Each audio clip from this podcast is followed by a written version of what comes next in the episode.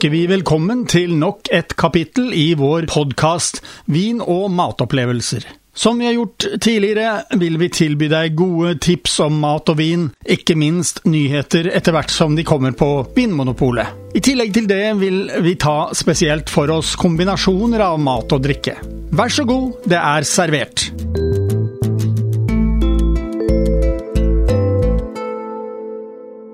Selv om eh, temperaturen er litt ugrei, så er det faktisk snart eh, juni og sommer, og innimellom er det forholdsvis lunt i sola.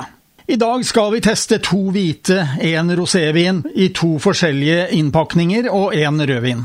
For å si det enkelt, disse vinene smakte meg godt.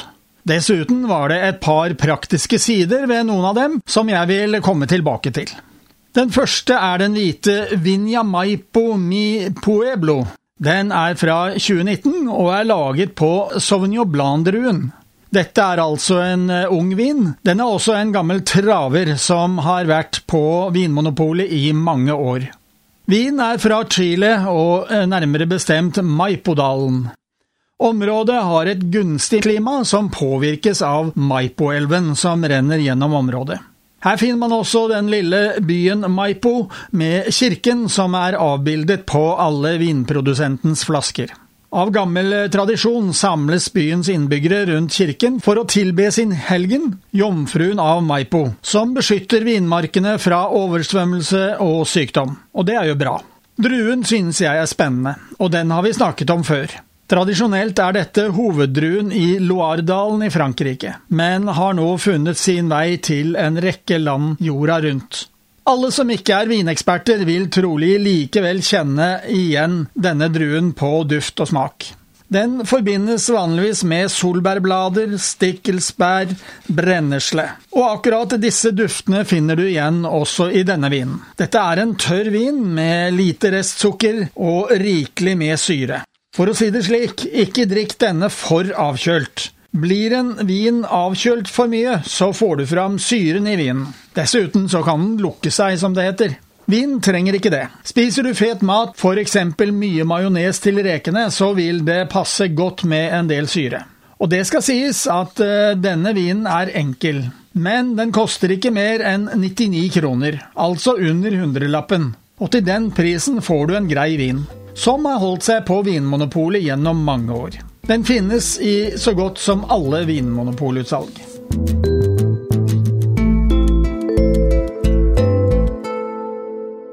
Den neste vinen er også hvit. Det er en Bonterra Organic Chardonnay fra 2018. Det er faktisk en blandingsvin av flere druer, men andelen chardonnay er på hele 92 så vi kan eh, se litt stort på det og langt på vei kalle den en chardonnay-vin. Her har vi en tørr, frisk, fruktig hvitvin med fyldig smak. Men som jeg har vært inne på tidligere, serverer du den ved for høy temperatur, vil den føles sødmefull. Noe den ikke er, med ett gram sukker per liter. Produsenten holder til i Mendocino County, nær kysten i det nordlige California.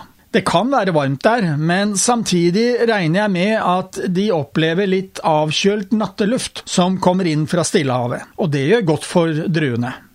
De dyrker alle sine vinmarker etter økologiske og biodynamiske prinsipper, i en overbevisning om at dette gir sunne og naturlige druer og et bedre grunnlag for en god vin.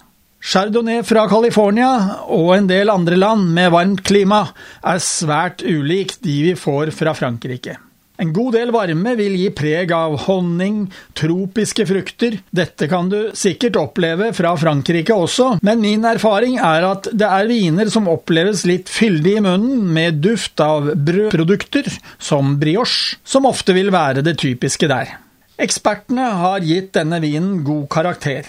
Denne kan du bruke til fyldige fiskemiddager, kylling og svinekjøtt. Det sies at den er perfekte krabbe. Det har ikke jeg rukket å teste ennå, men det skal jeg. Den koster 160 kroner og skal kunne finnes i så godt som alle vinmonopolutsalg. Så er vi på rosévin. Alle som trodde at Adobe bare er et dataprogram der du kan trylle fram PDF-filer, må tro om igjen. Her sitter jeg med Emiliana Adobe rosévin. Så hva med vinen? Den er frisk og smakfull. Du kan lukte kirsebær, litt jordbær, litt bringebær. Her er det med andre ord bare å velge. Den bekom meg vel. Jeg er veldig glad i roséviner fra Provence, og denne ligner mye på det i både farge og stil. Men den er fra motsatt side av jorda. Den kommer fra Chile, den også, nærmere bestemt Casablanca Valley. Druene til Adobe Rosé fra Casablanca-dalen som ligger 100 km nordvest for Chiles hovedstad Santiago og kun 30 km fra Stillehavet. Casablanca Valley er påvirket av den kjølige Humboldt-strømmen som kommer oppover langs kysten av Chile fra Antarktis, og den avkjølende ettermiddagsbrisen som blåser fra havet mot fjellene i øst. I tillegg beskytter morgentåken druene mot overeksponering av solen, noe som gir en lengre vekstsesong og flott balanse mellom syre og sukker. Med sitt noe kjøligere klima er Casablanca Valley mest kjent for sine syrefriske og tørre hvitviner av Sauvignon Blanc-druen og Chardonnay, men her lages gode, friske og fruktige roséviner også. Så hva slags mat kan vi kombinere med denne vinen? Jeg testet den som en aperitiff på terrassen. Det gikk veldig fint. Den smaker nydelig til reker og er også anbefalt til kremede oster. Denne vinen får du i to forskjellige forpakninger, og det er den samme vinen vi finner i begge. Den første er en flaske i normalstørrelse, og den andre er en pose. Jo da, det er en pose med vanlig bag-in-box tappekran, og inneholder halvannen liter, altså to flasker.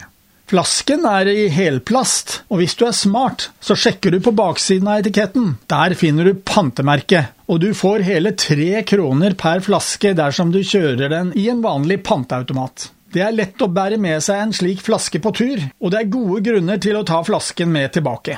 Det samme for posevinen. Lett å ta med seg på hytta, og lett å få den med seg hjem igjen og kaste den i sortert avfall hjemme. Prisen for en flaske er 114 kroner, altså en rimelig rosévin. For halvannen liters pose må du betale 210 kroner, som er heller ingen upris.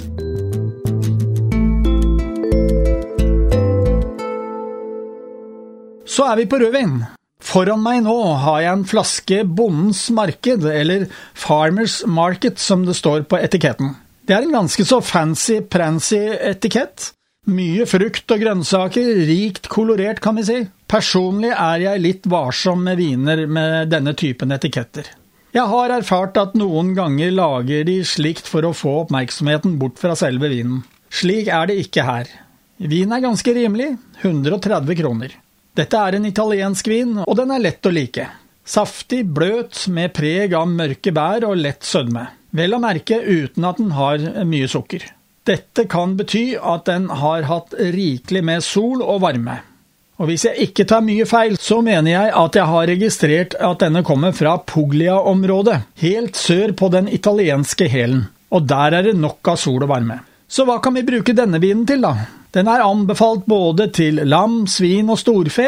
Jeg vil si at du kan bruke den med hell til grilling. Den har hele 14% alkohol, noe som bør kunne hamle opp med litt fett. Kjøtt får også en sødmefull stekeskorpe på grillen. Det burde kunne matche bra til vinen.